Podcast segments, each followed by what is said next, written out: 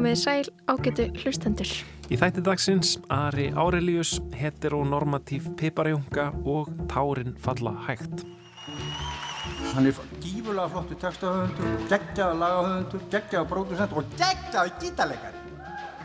Þá er ég búinn að mæra upp á tónlistamannin í kvöld. Auður, þú átt þetta allt skilir. Ekka svo hvernanna fylltu tónlistarhúsið, grátur þeirra skar í eirun og í kjölfarið útúðuðu þær Rachel og Gabi hinnum söðslega Clayton og urðu óskabörn Piparsveins þjóðverðnar.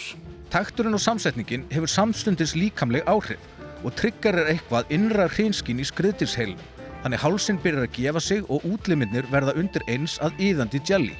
Ég heiti Lóabjörg Björnstóttir. Ég heiti Kristján Guðjónsson og þetta er lestinn miðugudaginn 28. september.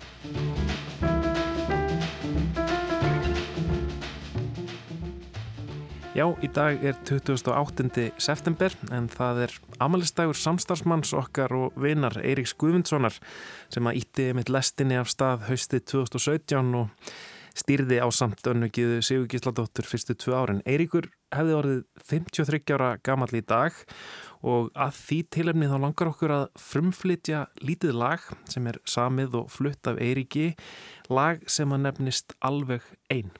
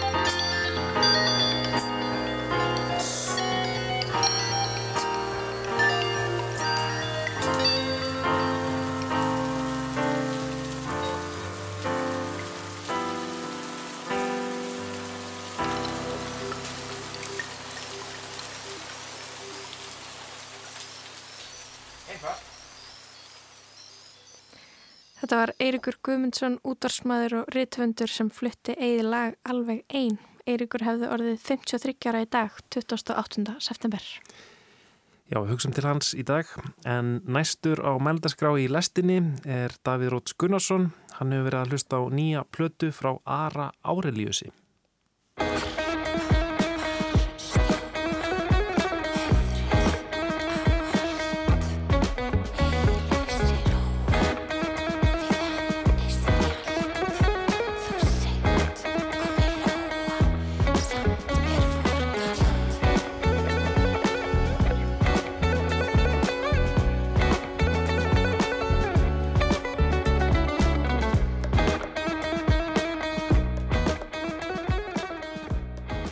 Áhugaverðustu breyðskjöfum íslenska sumarsins, hvers útgáfa fár glæpsamlega lágt, var hinn forvittnilega titlaða Hiatus Terrae eftir listamannin Ara Aurelius sem inniheldur gítardrifna grúftónlist að mestuleiti án söngs. Instrumentatónlist sem er ekki hreinræktur raf eða danstónlist hefur alltaf verið fyrir utangarð og munaðalus bæði í íslenska tónlistaflóru og alþjóðleiri og ekki líklegt til vinsælda. En á Hiatus Terrae er að finna miljandi hrinjandi, kingimögnugrúf og sprúðlandi gítarleik sem eru í senn frá heiminum og að heiman, bæði al og þjóðleg. Og tónlistin er ekki af neittni íslenski senu, heldur ólík öllu öðru sem er í gangi.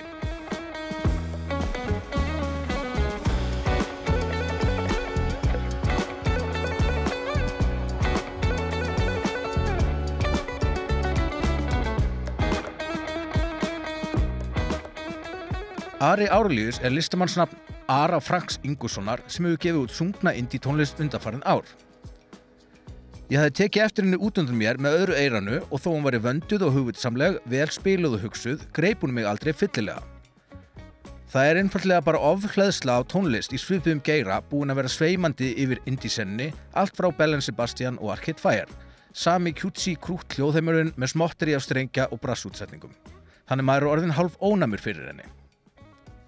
Ég heyrði hins vegar það orð af tónleikum Ara í vor að hjá honum væri komið allt annar hljóð í skrokkin. Instrumental grúfkersla ólík fyrra efni og það vakti áhuga minn. Í byrjun sumars heyrði ég svo lagi Melrakki og það stóð vel undir þeim væntingur sem höfðu verið kveiktar.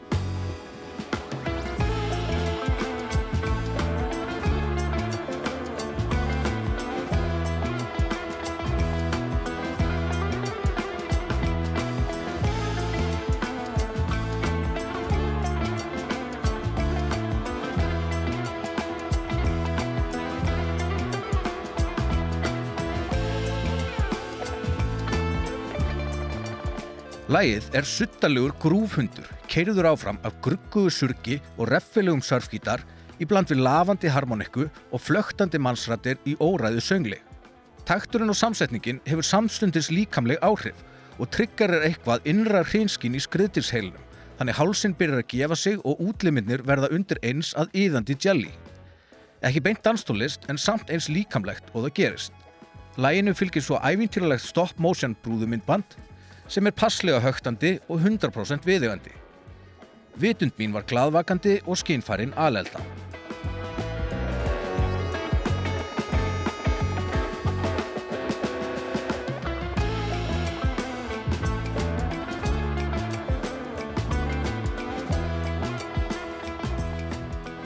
Það verður ekki hjá því komist þegar hérna er komið við sögu að minnast á bandarska bandið Krúangbinn sem tónlist Ara á vissan hljóm og hugmyndafræðilegan grunn sameinlega með.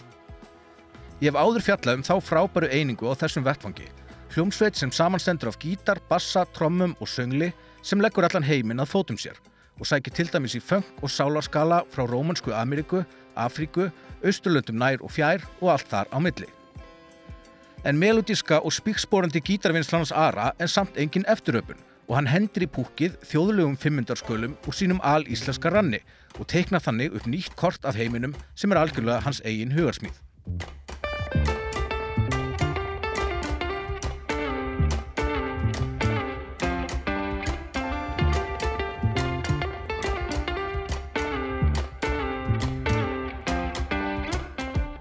Platan sem heilt svíkur ekki þessar væntingar og er öll í sama glæsta þjóðsagna anda og melrekki sem ég nefndi áðan og er jafnframt uppháslag hennar. Ari læriði á gítar í FIH en það hljóðfæri leiðir visslega plötuna á hátt sem er leitandi og æfintýragjart en hjakkar aldrei í tróðnum slóðum. Annarlægið Galdrafluga byrjar eins og dáleðandi galeða með hyggstandi bassagangi og lástendum áslætti og harmonikur hljómar umfamaða allt um kring. Fjárvera mannsrættarinnar gerir hann á svo bara þeimun áhrifameri þegar hún loksins byrtist en ám inn í galdraflugunni eru sem punktarnir og komundnar yfir öllum sérhljóðunum. Lægi hefði virkað stórvel án söngsins en þegar hann kemur er hann rjóminn sem flýtur ofan á.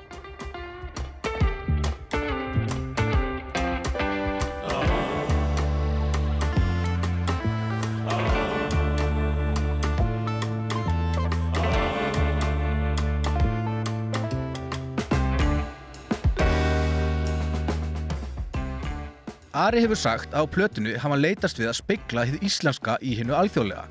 Neistin af verkinu hafi kviknað í kaffibotla á bláhorninu á grundastíg þegar níkaragúskar kaffibönir hafi frussast ofan í heiðmerkursgrunn vatn í stálheiðalegri og alíslenskri hortsjópu. Kostningar hafi verið nýjafstaðnar með samsöldi þjóðorninsíkju og alþjóðavæðingar og bógnefur lettur í Vassmýrinni. Ari sagði í viðtali við Nínu Richter á fréttablaðinu í sumar þessi plata var undir þessum formerkjum, lokal global. Það er að taka eitthvað sem er staðbundið og íslenskt og paraða saman við heimstónliststefnuna þó að ég sé ekki hrifin af því hugtæki. En þetta er tónlist úr öllum áttum.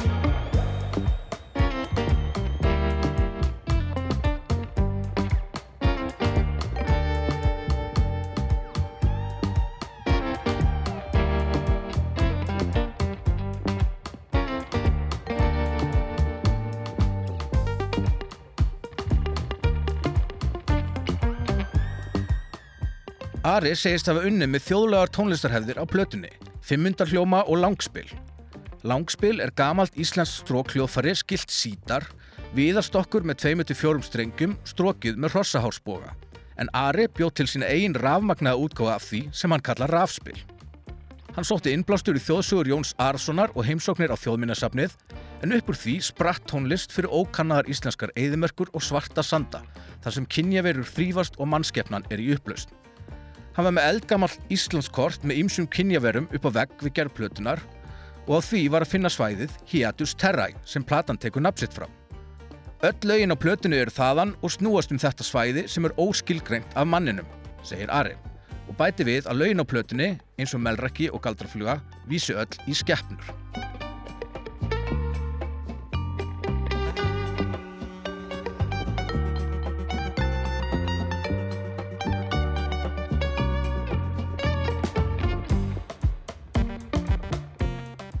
Gítarinn er eins og áður segir í farabrotti á plötunni, eiginlega aðal söngröttin ef svo mætti segja. En við hann styðja reffilegir bassagangar og ágengur ásláttur, stundum í halgerðum reggitakti eins og í sömu bein sem hér ómar.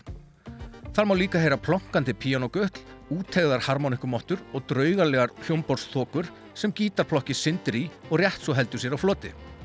Hér er allt undir og ekkert eins og það sínist.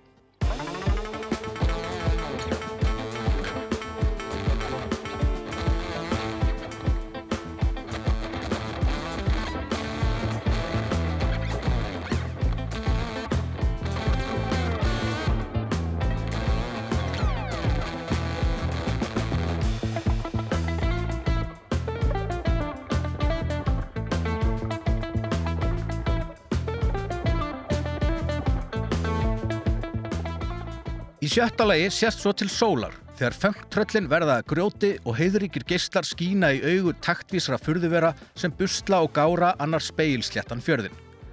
Sjórin tekur öllum opnum örmum og lefur hlustendum að komast til bots í sér. Þangað sökvu við viðstöðulaust og hamskiptumst hvort við annað, dillum mjöðmunum í takt við golfströmmin, böðum okkur í výbringnum, föllum í yfirlið í aðfallinu. Ferðaleginu er lokið en það hófst þar sem það byrjaði í hennu óræða landsvæði undir meðutundunarinnar, Hiatus Terrae, sem Ari Aurelius vefur svo ofskinjandi og sindrandi fallega á samnemndri breyðskifu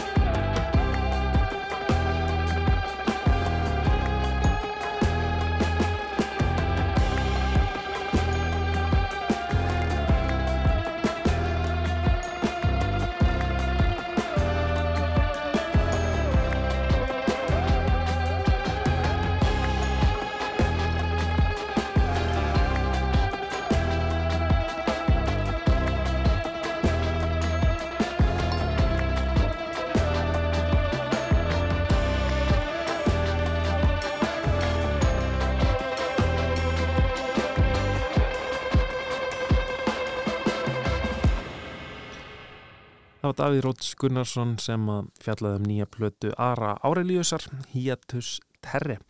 Og við ætlum að halda okkur við tónlist. Síðasta förstu dag kom út lægið Tárin falla hægt með þeim Bubba Mortens og auðni Lútersinni sem kemur fram með listamannsnafnu Auður. Þetta er fyrsta lagið sem að auður sendir frá sér eftir að hann drósi hlið um mitt síðasta ár í kjölfar ásakana um kynferðisofbeldi. Þá var fjölda tónleika aflýst, hann drósi úr hluturkum í leikúsi og sjómanstáttum og meira segja tónlist sem hann hafi gefið út var tekin út á streymisveitum. Það var eiginlega bara talað um að honum hafi verið slaufað, sem sagt cancelled eins eins og það er kallað ennsku. En núna rúmu ári síðar er hann snúin aftur með þetta lag, Tárin falla hægt og útastöðvar og vennilegt fólk með Spotify aðgang veldir eflaust fyrir sér eh, á ég að spila þetta, má ég spila þetta? En uh, lægið fór fljótlega á toppin á spilunarlista Spotify yfir mest spiluðu lögin á Íslandi og er þar með já, um það byrj þrefalt fleiri spilanir en, en næsta lag fyrir neðan. Hefur fengið eh, um það byrj 97.000 spilanir núna á tæpri viku. Og það er komið í spilun á, á mörgum útastöðum þannig að fjöldin virðist vera tilbúin að hlusta aftur á nýja tónlist frá auður. En við reyndar vitum líka um að minnst okkur tvær útastöðar sem hafa tekið það ákvörðin að spila ekki lægi þannig að það eru ekki alveg allir á sama máli. En þetta er mjög aðtilsvert að því að auður er fyrsti tónlistamæðurinn sem hefur svona stíið tímabundið til hliðar í kjölfar Me Too á Íslandi og svo reynd að snúa aftur á pop-vettvangin og, og þetta lag markar svona upphafið að, að endurkoma hans og, og það er kannski áhugavert að að skoða hvernig auðun gerir þetta, hvernig texti og, og öll umgjör þessa lags svona spila saman í þessari endurkomu auðuns Lúterssonar á, á pop-vettvangin. Um, áður en við kannski sökkum okkur dýbra onni lægið og hvað lægið er að segja uh, tárin falla hægt uh, þá skulum við byrjaða að hlýða á lægið þetta eru Bubbi og Auður.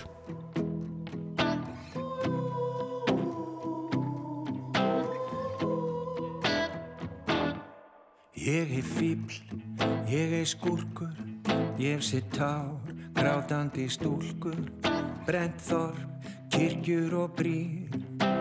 Bálfur sem reyndist með dýr Hef mist kjarkin, ég hef séð þokkuna Kraftaverk dauða og heimsenda. Ég hef dotti, hrapað í hólutnar Stend upp hver dag og drepin rítópista Ég sé reikin, teki pillutnar Ég kýr stelpur, gert þær einmanna Tárin falla hæg sem að vega mest Ég er skítæl, ég er snillingur, aðeins guðmun klára mína setningu, tárin falla hæg, sem að vega mest.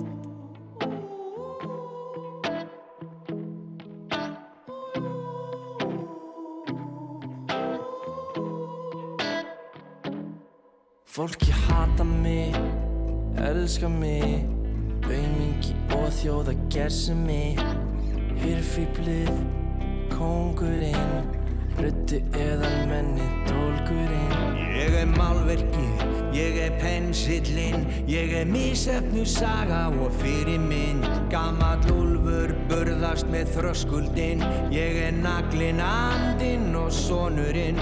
Ég sé reikinn tekið pillurnar Ég kist stelpur, gerð þær einmanna Tárin falla hægt sem að vega mest Ég er skítæl, ég er snillingur. Aðeins guðmund klára mína setningu. Tárin falla hægt sem að vega mest sem vega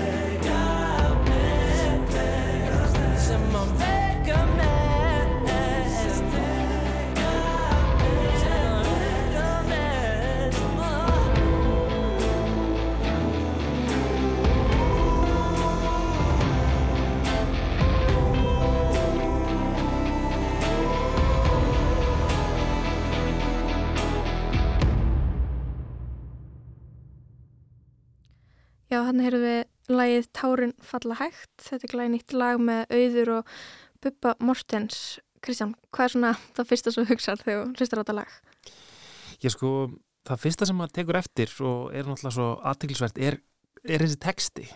Náttúrulega textin er, uh, hvað var að segja, þetta er svona texti sem fjallar um það að vera breyskur og það að gera mistök og að fara upp í hæstu hæðir og, og lægstu lægðir í einhvern veginn sálarlífinu um, að gera eitthvað á annara, annara manna kostnað og, og, hérna, og sjá eftir því.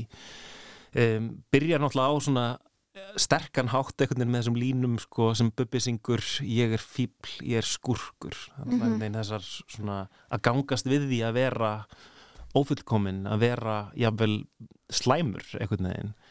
Og, þa og það er svona, það, mér finnst það mjög aðtiklisvert að, að auðun ákveði að fara að fyrsta lægið eftir þessar ásanganir sé þetta lag með þessum texta. Mér finnst ákveðin svona sögn í því. Hann, hann er að uh, einhvern veginn að hann er að byrta þá mynda hann, hann sjá eftir þessu. Já, það er kannski ymmit uh, svona í hans stöðu var, er ykkur annan valmöðulegi fyrir hann að taka inn það allt sem hefur verið í gangi eða, eða halda áfram og láta þessu ekkert hefði í skorist. Mm -hmm. þannig að svona sé kannski alveg fyrir löngu búin ákveða að hann tekur þetta allt inn og svona alla þess sína slaufun. Já, einmitt, en ég minna að það hafa náttúrulega erlendir tónlistamenn sem hafa verið sagaður um hitt og þetta vafasamt, hafa gefið út lög þar sem þeir kannski í rauninni bara um, láta eins og ekkit sé. Mm -hmm. Já, bara halda útröður áfram. Einmitt, um, sko já tekstin er mitt líka það fyrsta sem ég tek eftir og svo þessi upptalning. Þannig að ég fíbl, ég skurkur byrju verið með tekstinina um, ég er skítæl, ég er snillingur ég er, fólk hatar mig, elskar mig, auðmingi og þjóða gersi mig, þetta er svona mm -hmm, Alltaf andstæðuna Já, já, þetta myndi mig á sko nokkur önnur lög sem okay. er einhvern veginn allt öðruvísi okay. má, bara, má ég spila það fyrir þig okay. I'm a little bit of everything All rolled into one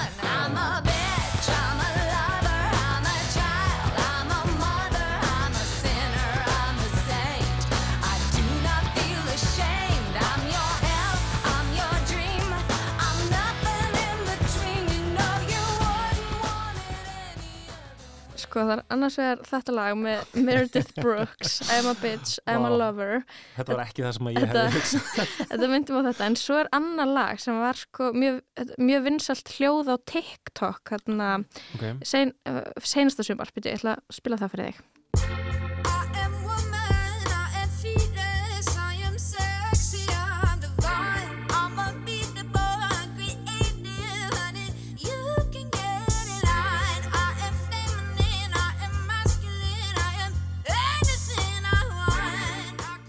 Ok, þú skilur hvað ég meina, að það ekki, með Jú. þessum svona reffum sem mér stætt í hug. Hérna. Einmitt, já, það er, það er þessi svona klefun á því eitthvað svona, ég er þetta en ég er hitt, ég er, ég er andstæða, ég, mm -hmm. veist, ég er A og ég er B, einhvern veginn, já. Mm -hmm. Þetta er svona stílbræð. Einmitt, þessu upptalning mm -hmm. á því sem hann er, sem þeir eru.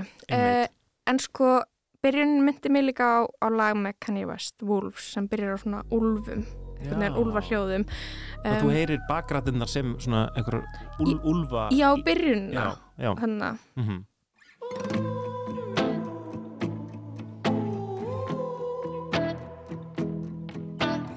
þetta hljóð um, en svo ef mitt byrjar bubbi. Það er kannski svolítið mikilvægt í þessu lægi Ég er fíbl, ég er skurkur ég er sitt tár grátandi stúlkur Ég upplöfu allavega þannig að hann sé svona hann, hann stýi fyrst á svið og svo rétt hann einhvern veginn auður mikrofónin og það er eitthvað svona, svona eins og hann sé að gefa hann um í rauninni leifi til þess að til þess að hafa allar þessar tilfinningar.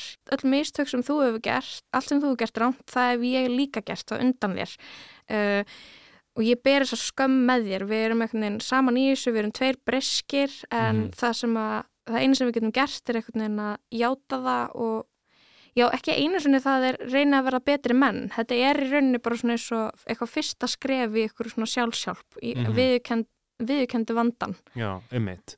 Já, náttúrulega að, að því að Bubbi er náttúrulega þessi maður sem að sko all þjóðinu þetta þekkir og, og þekkir hans uh, styrkleika og breyskleika og, og, og þetta uh, vitum að hann, hann hefur glýmt við fíkni gegnum tíðina og örgulega gert alls konar hluti sem að, sem að fólk í, í, í neyslu gerist, þú veist, þannig, að, þannig að einmitt, og, en við elskum hann samt, við elskum hann og hann, hann hefur þessa stöðu einhvern veginn og, og fólk elskar hann fyrir breyskleikana, þannig að já, það er mjög aðtilsvært að, að hann komið hann að fyrstur stíð fram, segi, ég er fíbl, ég er skurkur og, og svo einhvern veginn rétti, rétti um, auður mikrofónin eða, eða þannig. Og, en, en sko mér finnst líka öll svona umgjörð um, lagsins einhvern veginn ganga út á það að spegla þeirra personur svolítið. Um, hérna, þeir eru einhvern veginn á ólíkum kynnslóðum en, en, hérna, en segja einhvern veginn sömu sögu. Um, Þetta þetta er svona eitthvað, já, mitt auður í fortíð og nútíð, í næstu því upplifi ég það þannig. Já, svona lærimestari og artæki á einhvern hátt, sko,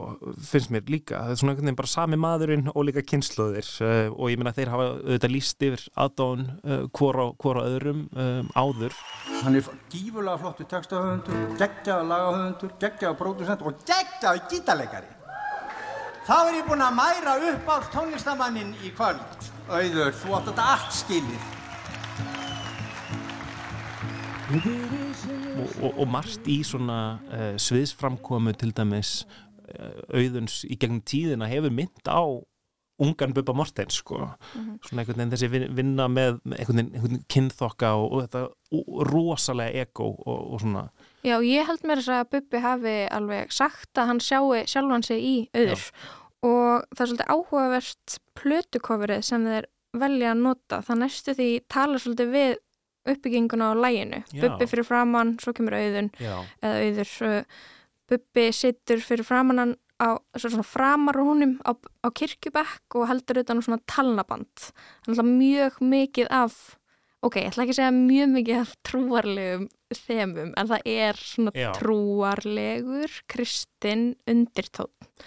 En ég- einmitt, þeir eru þarna í kirkju og báðir í hvítu sem er náttúrulega einhvern veginn svona táknum einhvern hreinleika eða að hafa fengið einhverja, einhverja end, endurlausn eða skýrtn eða eitthvað þannig og svona yðrunin og allt þetta hvítum, hvítum fötum og, og þetta kirkjan er einhvern veginn staður einmitt þar sem að við, eða þar sem að fólk by- byðst fyrirgefningar um, og játar syndi sínar og hérna en vonast til að fá endurlausn og einhvern veginn upprisu þeir eru þarna stattir í kirkju og í textanum það er bara, þá segir Bubbi ég er naglinn, andinn og sonurinn og í viðlæginu þá bara, þá er hérna aðeins Guð mun klára mína setningu.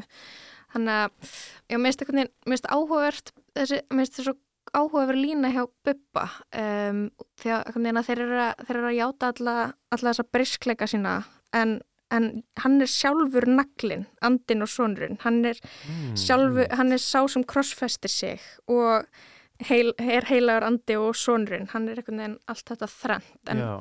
En, en, en- hann er naglin, ég sem að maður myndi ímynda sér að væri einhvern veginn þeir sem að krossfesta já, þá er, þeir, þá, er, þá er hann einhvern veginn að segja hann ha- krossfestir sig sjálfur. Já, mm, það, er, það er einhvern veginn svona margar sagnir í þessu en ég hef einhvern veginn svona verið, verið að reyna að rýna í þá. Finnst þér þetta sko ávarpa slaufunamenningu á einhvern hátt? Hm. eða, eða er hægt að lesa og hlusta á þetta lag ef þú myndir taka burt allt einhvern veginn sem hefur átt sér stað? Alltaf þess að forsögu. Já, forsu þess að begja tónlistamanna í rauninni. Mm Sko ég, ég myndi halda, eða það- er erfitt að lesa þetta lag sem annað en viðbrað við því. Um, eða allavega það að þetta lag með þessum texta sé fyrsta lagið sem að auður gefur út um, eftir að hafa stíð til hliðar í rúmt ár. Um, mér finnst eiginlega ekki hægt að lesa öðru sér heldur en að þetta sé hann að, að segja eitthvað um, um það og sé kannski ekki að útskýra sig eða afsaka sig en, en hann er einhvern veginn að, að segja hérna ég uh, flög of nálat sólinni ég hérna áleit sjálfa mig vera snilling en kannski var ég skítæll uh, Mhm. um, eitthvað, eitthvað svoleiði sko En það er alltaf líka bara hægt að hlusta á þetta lag einfallega bara svona í, í samhengi við plötuna afsakanis.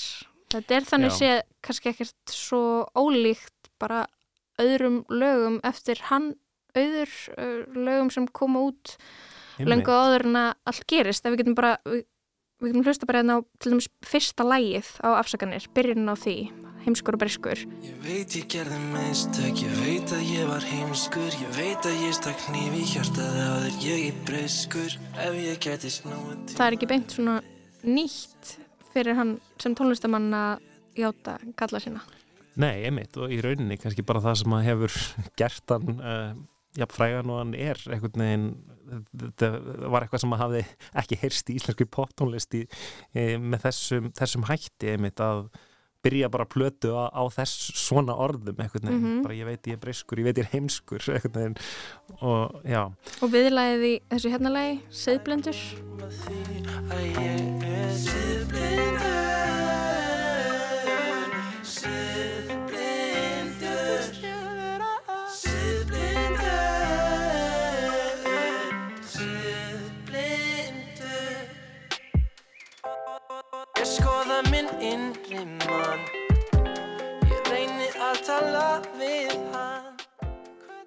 það sem gerðist eftir að allar ásakannar komu upp þá fekk þessi, þá var þessi plata þá var þetta að horfa á hann í hans öðru ljósi einmitt. en það er eitt í, sko eitt í þessum texta uh, þeirra Bubba og Auðun sem að mér svona aðteglisvert sko, sko ef, ef maður lesan bara í þessu ljósi uh, út frá uh, ásökunum út frá slaufunni út frá endurkominni um, þá er það þessar línur hérna ég hef kist stelpur gert þær einmana. Mér mér, það, er eiginlega eina, eina setningið þannig sem svona stingur mér svona aðeins eitthvað svona að, hm, þetta, er, þetta er eitthvað svolítið óþægileg lína svona það er svona, ég, ég les, les hana þannig einhvern veginn ég hef uh, kist stelpur, ég hef einhvern veginn verið með um, já, er þetta ekki eitthvað svona úrdráttur þar sem að, já, í staðin fyrir að segja alla söguna og nákvæmlega hvað gerist þá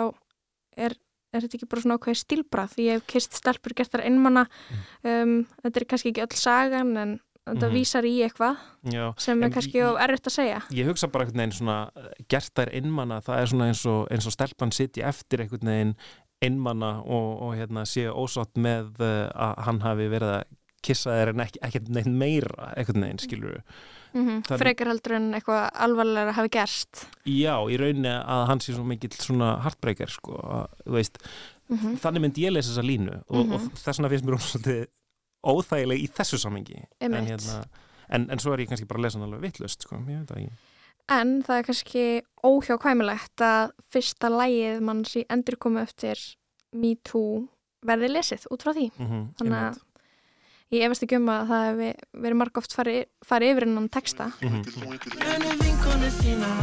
Þóla mig En þetta er, uh, mér finnst aðteglisvert sko, það hefur ekkit verið neitt mikil umræða núna á þessum sex dögum um, um þetta lag, finnst mér.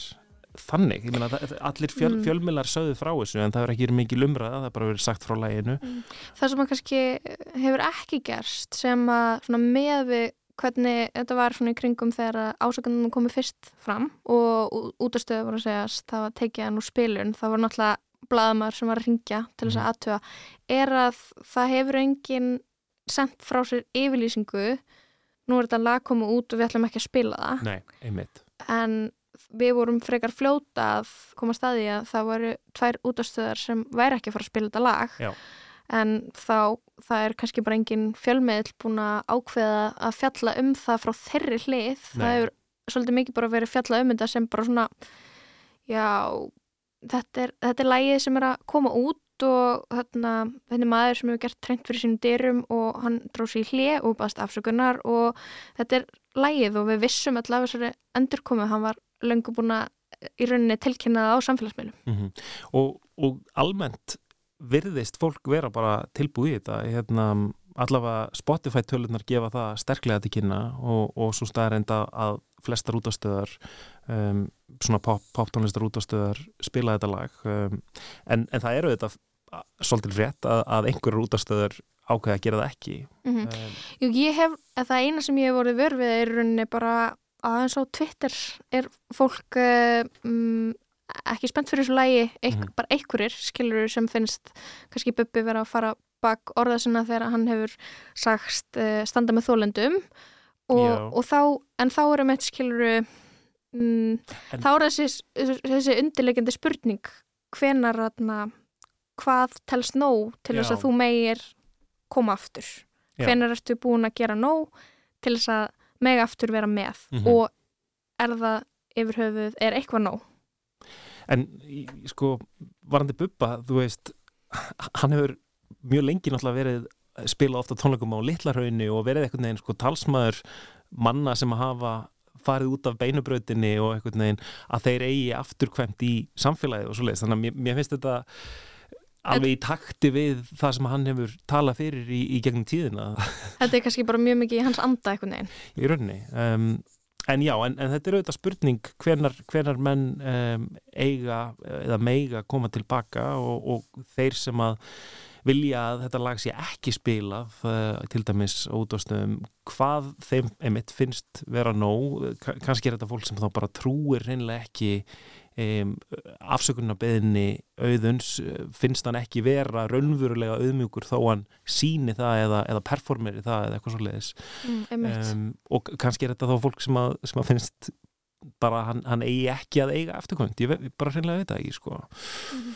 En ætlaði að sé að fara að vera meira um það að tónlistamenn svona geru upp ásagannar, uh, fari gegnum hreinsunareld, dræsi, hlje, uh, viðkenni, sekt sína og, og eigi síðan endurkomu í staðin fyrir svona það sem er kannski búið að vera um, leiðin svona í menningunni hinga til þar sem fólk heldur kannski bara ótrött áfram eins og ekkert hafi gerst mm -hmm. og neytar alfari sög einmitt, það, það verður mjög aðtilvægst að sjá, einmitt, hvort að við fáum bara heila nýja, kannski undirgrein í tónlist þar sem að um, fólk er að byggast afsökunar á, á gerðum sínum og, hérna, og noti það til þess að koma aftur, hvort að auðvinn sé búin að búa til einhvers konar svona mótel að, að þeirri þess konar endur komi, veit það ekki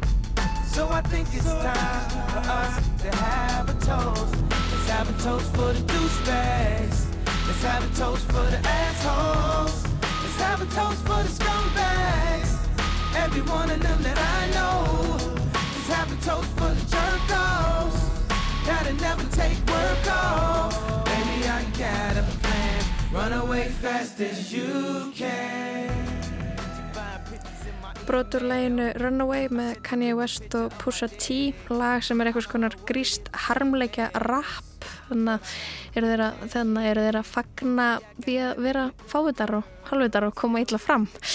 En við vorum að fjalla um nýjútkomanlag auður og buppa Tárin falla hægt. Já, það er svona ákveðin, ákveðin skildleiki líka í hljóðmyndinni á þessum lögum. Það er uh, þetta píanóspil það er ein píanónóta sem er svona leikin hérna um, já, aftur og aftur, já, aftur, aftur. það er alveg þetta ímynda sem þetta lag hafi verið einhvers konar innblástur fyrir Tárun falla hægt. En næst ætlum við að hlýða á pistil eftir Salvuru Gullbrá Þórensdóttur sem hefur verið að fylgjast með Bachelorette, Piparjónkunni raunveruleika þáttum þar sem menn keppast um ást Piparjónku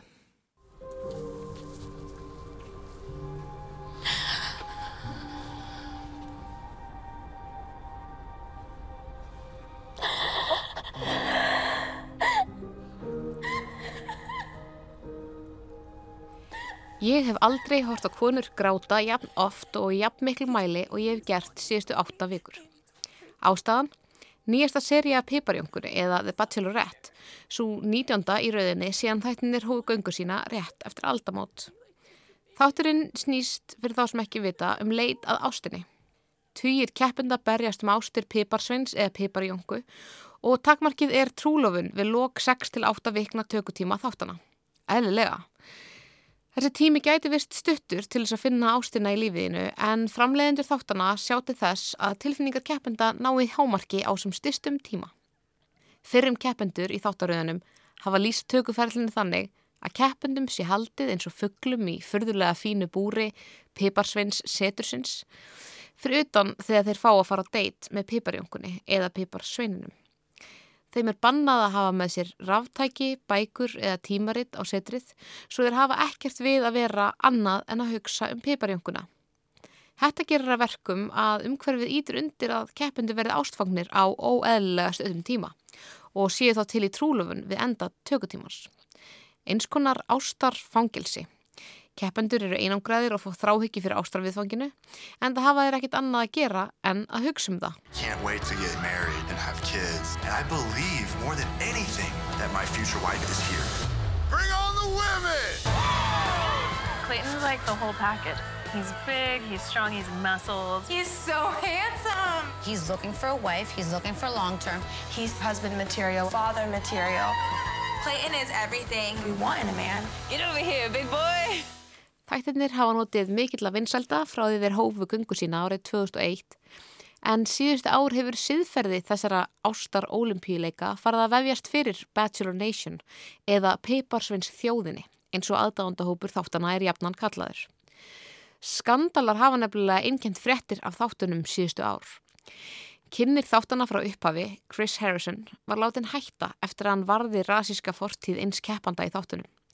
Uppkom líka kynferðisbrótamáli í spin-off þáttunum Piparsveitn í Paradís og nú síðast kom í ljós að keppandin sem bað annarar piparöngunar í dramatískum lokaþætti seríunar síðasta þriðdag hefði á mentaskóla árum sínum gerst segur um svo kallað blackface að farða andlet sitt með dökkum farða í tilræðin til að skópstæla svarta tónlistamannin Jimi Hendrix og svona má lengi telja.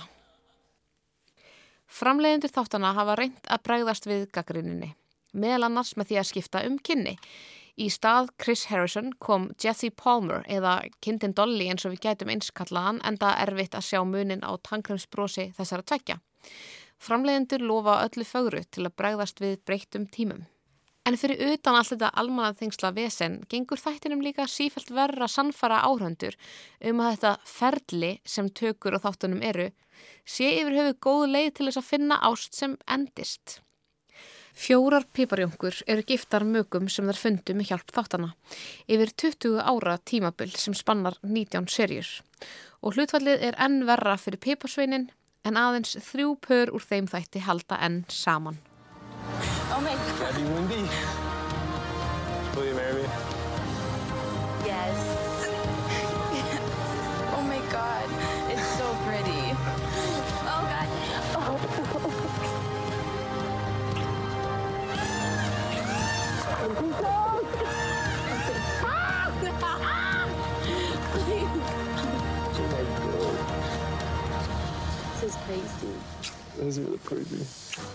Í þessari 19. og nýjustu serju reyna framlegandi þáttana nýbreytni til að halda áhrundum spenntum. Piparjöngunar eru tvær í fyrsta sinn. Rachel Recchia og Gabby Windy eru fyrrum keppendur í Bachelor sem tengdust hvort annari eilíðar böndum þegar fyrri piparsveit, Clayton, hætti með þeim báðum í einu í tónlistarhúsinu Hörpu í Reykjavík. Já, þið heyrðu rétt. Piparsveitnin smánaði okkar virsta tónlistarhús með því að brjóta í þessum konum hjartað undir glerþaki Ólafs Eliassonar þegar hann sagði þeim að hann hefði ekki aðeins sofi hjá þeim báðum, heldur sagt þeim báðum að hann elskaði þær. I was in love with her and I am in love with each of you. And I also was intimate with both of you. I'm just so in love with him. I'm just in love with all three of us. How does this happen? This is so embarrassing. I promise you, this is gonna haunt you. I need to get out of here. Ekka svo hvernanna fylltu tónlistarhúsið, grátur þeirra skar í eirun og í kjölfarið útúðuðu þær Rachel og Gabi hinnum söðslega Clayton og urðu óskabörn Piparsveins þjóðverðnar. Þeim var því gefið tækifæri til að finna ástin á ný, vinkonunnar, hönd í hönd sem Piparjöngunnar. Raunar hefur fyrirkomulegi vaki aðtigli og gaggrinni frá fyrrum piparjöngum. Það sé nefnilega ófeminíst að láta tvær konur deila tillinum piparjöngan og leiða aðeins til keppni innbyrðis millir kvennana með tilhengandi sásauka. Ákveðin kaltæni í ljósi þess að hægt vera nefna um það byrð 300 hluti aðra sem eru ófeminískir við vekkferð þáttar sem snúast um kynjaða keppni um hilli hinskinsins. Það er eitthvað absúrt við að þáttur sem snýst um íhaldsumustu hugmyndir okkar um ameríska draumin, um trúlofun, giftingu og barnignir í húsi með kvítri gerðingu, reyni yfirleitt að bregðast við ásökunum um að vera ekki nógu samfélagslega meðvitaður. Þegar grunnkonsept þáttana bjóða áhörvendum tæplega upp á annað en að slökva á þeirri meðvitund meðan hort er, sem við gerum auðvitað með glöðu geði. It's just like validating all my fears. Am I too broken for anyone to love? Gaggrinendur fyrirkomlagsins höfðu þó ekki allrámt fyrir sér. Vekkferð Gabi og Rachel hefur vissilega ekki verið áfalla laus. Gabi endaði trúlofið fastegnasalanum með rasísku fortíðina sem áður var nefndur og Rachel trúlofiðist sveikta yðnamanninum Tino sem held svo fram hjá henni mánuði síðar, mörgum vikum áður en þættinir höfðu runnið sitt skeið. Instagram-reikningurinn Bachelor Data er haldið úti af tölfræðingum sem taka saman ímsa tölfræði úr þáttunum. Í samantækt tölfræðingana um orð sem oft koma fyrir í þáttunum kemur fram að orðið trúlofun kom fyrir 102 sinnum og orðið fjölskylda 204 sinnum í loka þætti seríunar enda aðal dramað að báðar vildu peiparjöngunar ekki enda þáttin öðri sé en trúlofaðar. Öllu heiki karlmannana sem höfðu efasemdir um að fara í nappelduna eftir sex vikna kynni tóku peiparjöngunar sem höfnin á þeirra einsta sjálfi, skiljanlega. Ég held aldrei að ég myndi kynna fjölskyldu mína fyrir einhverjum sem ég sé framtíð með, segir Gabi, enda 31 árs piparjónka. Vonin var því auglustlega næri úti fyrir hana áður hún fekk tækifærið til þess að finna ástina í þáttunum, ekki satt. This is crazy, like, we are literally about to be engaged tomorrow. To our dream guys. Literally dreams. Tino truly is the man of my dreams. This is the day I've been waiting for my whole life. I do love Eric with all my heart, so I do want a proposal from him. Like, I'm so sick of this. Í fjölmjölum og netinu hefur umræðan um konunnar tvær verið óvægin og mikið rætt um hvaðar gráti mikið. Enda eru þessar tvær fullortnu fallegu og bráðgáfuðu konur líka fastar í þeim aðstæðum að þurfa að finna frambærilegan lífsförunaut í rauðum kallmana sem flestir virðast hafa tilfinningagreind á við amöpu. Ég myndi líka gráta. Ég hef sjálf verið hluti piparsveins þjóðarinnar í mörg ár en þessi misserinn þarf ég að grafa óvinni djúft til að útskýra af hverju ég held áfram að horfa. Marg oft koma stundir þar sem þar sem sérst á skjánum er svo grimmilegt gekkvar þáttökundum að ég sver að ég ætla að hætta að horfa. Og ég segi ekki frá þessu til þess að sannfæra hlustandur um hversu öflugri síðferðskend ég bý yfir, heldur frekar til að greina af hverju ég nýta svona mikið að horfa á eitthvað sem misbýðir mér þegar öllu eru botnin kvólt. En konur eins og ég, hvítar konur um þrítugt, eigða mörgum klukkustundum á viku að horfa á stefnumóta þætti þar sem konur eins og við leitað ástinni. Það er, það er að segja, þegar við erum ekki að horfa á heimildamindir eða hlust á hlaðvörp þar sem drápum á konum eins og okkur er líst í smáatriðum. Piparjóngan og piparsveitnin stríða í raun gegn öllum gildum sem við vinkunum mínar segist trú á. Jafnbretti, góða framkomið við náungan, smekkvísi í fatavali.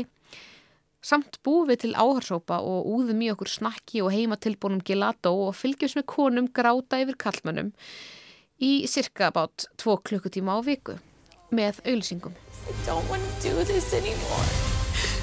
He never loved me.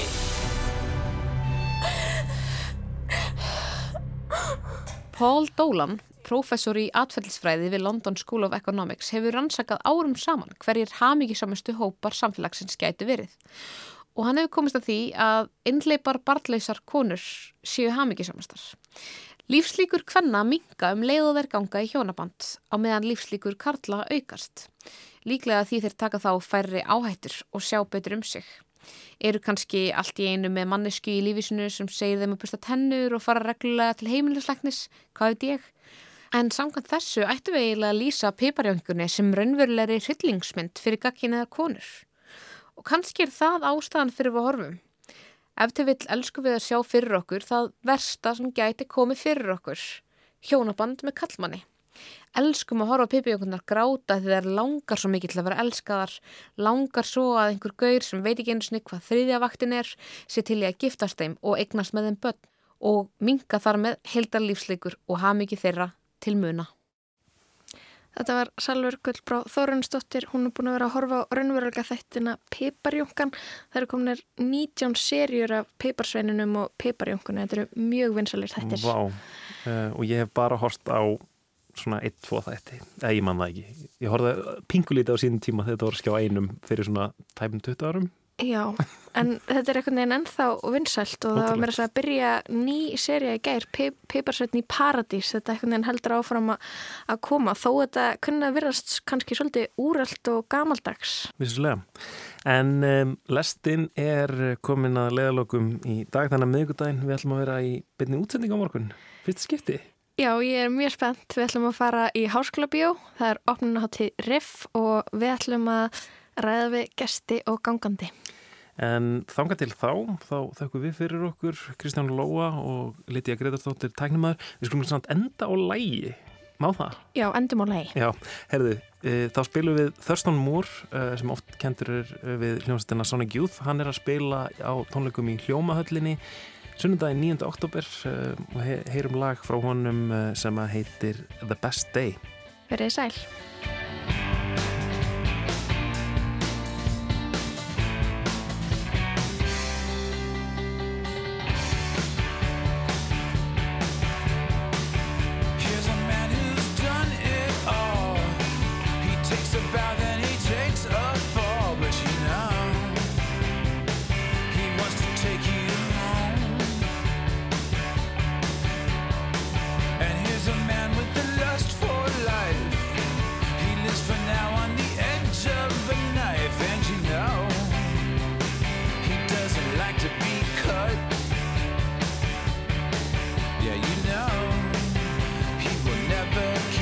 Day alone